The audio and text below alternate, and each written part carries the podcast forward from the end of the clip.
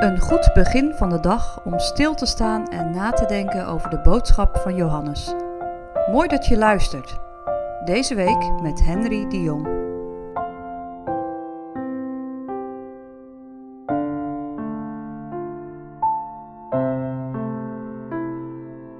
Bidden tot geloof en leven. We lezen weer verder in de brief van Johannes en nu vanaf het 14e vers tot het 17e.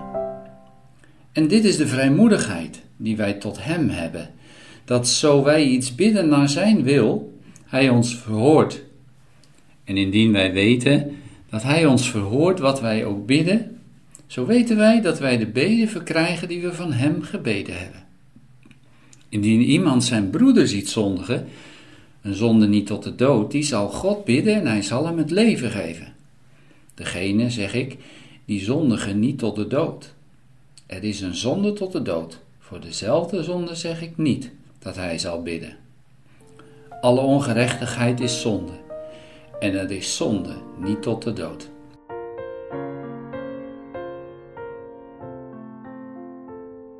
Je weet vast wel wat vrijmoedigheid is, toch? Daar zit het woord vrij in. Dat wil zeggen, je niet geremd voelen of verlegen zijn om iets aan iemand te vragen. Gisteren hoorden we dat wie de zoon heeft, die de Heer Jezus heeft, die heeft het leven. Namelijk degene die in Hem gelooft.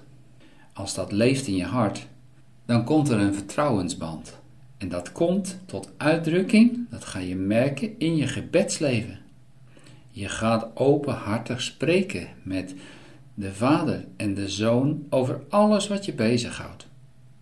Vrijmoedigheid houdt ook in zekerheid en veiligheid. Dat is iets wat moet groeien. Hoe is jouw gebedsleven? Leg je alles aan de Heer voor? Dat mag voor de kleine dingen en voor de grote dingen, voor de dagelijkse dingen, of voor speciale gebeurtenissen, als je het moeilijk hebt, of als je dankbaar bent, wat er ook in je leven speelt. De Heer weet al lang wat dat allemaal is en wat er leeft in je hart. Maar hij hoort het zo graag van jouzelf. Johannes zegt er iets moois bij. Hij zegt: Als wij bidden naar zijn wil, dan mogen wij erop vertrouwen dat hij het ons geeft. Laat ik een voorbeeld geven. De Heer wil dat wij ons bekeren. Dat mag je dat de Heer voorhouden, erom vragen. Dat is naar zijn wil. En wanneer doet hij dat dan? Gelijk als je erom vraagt? Ja, dat kan. Maar dat kan ook langer duren. De Heere hoort alle gebeden, maar Hij verhoort ze op zijn tijd. En toch zit er ook wel een moeilijke kant aan, want wat is nu precies Gods wil? Wel, dat is natuurlijk gehoorzamen, zijn geboden bewaren, in Hem geloven. Maar dat moet de Heilige Geest ook werken in je hart.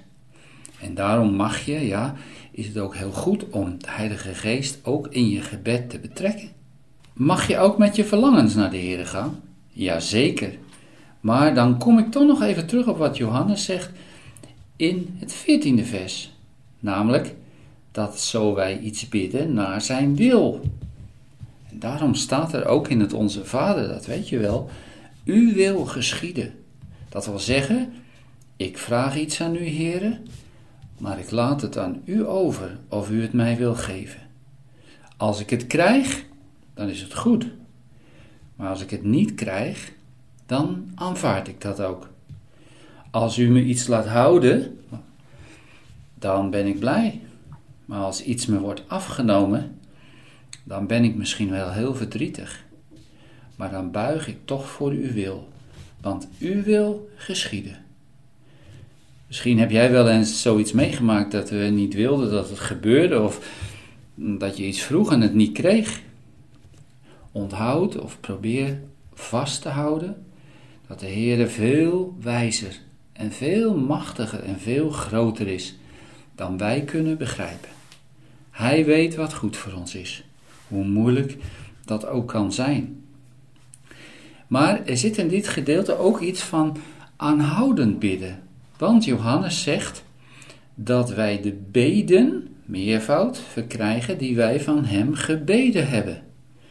Zeg, als jij iets heel graag van je ouders wilt hebben, dan vraag je het toch ook meerdere keren. En zo is het ook bij de Heer. Denk maar aan Bartimaeus aan de Canaanese vrouw. Die hielden niet op met vragen, net zolang tot de Heer hen verhoorde. Of denk aan Hanna, de moeder van Samuel. Afgelopen maandag hebben we gesproken over dat als je God lief hebt, dan heb je ook je naaste lief. Johannes komt daar weer op terug in deze verse. Want als je je naaste lief hebt, dan hoort daar ook bij dat, als je ziet dat die naaste zonde doet, dan ga je voor hem of voor haar bidden. Johannes maakt hier wel verschil tussen een zonde tot de dood en niet tot de dood. Wat is dan het verschil? Ananias en Sapphira hadden over een akker die ze verkocht hadden gelogen en werden door de Heere met de dood bestraft. En Petrus ging niet voor ze bidden. Dat was een zonde tot de dood. Maar gelukkig zijn er ook zonden die vergeven kunnen worden. En waardoor iemand gebracht wordt aan de voeten van de Heer Jezus. Zoals de Heere voor Petrus bad dat zijn geloof niet zou ophouden, zo mogen wij bidden voor onze naaste dat hij ophoudt met zondigen en voor de Heere gaat buigen. Zeg, mag ik je iets vragen? Wanneer heb jij voor de laatste keer voor iemand die je goed kent en die iets verkeerds deed, gebeden?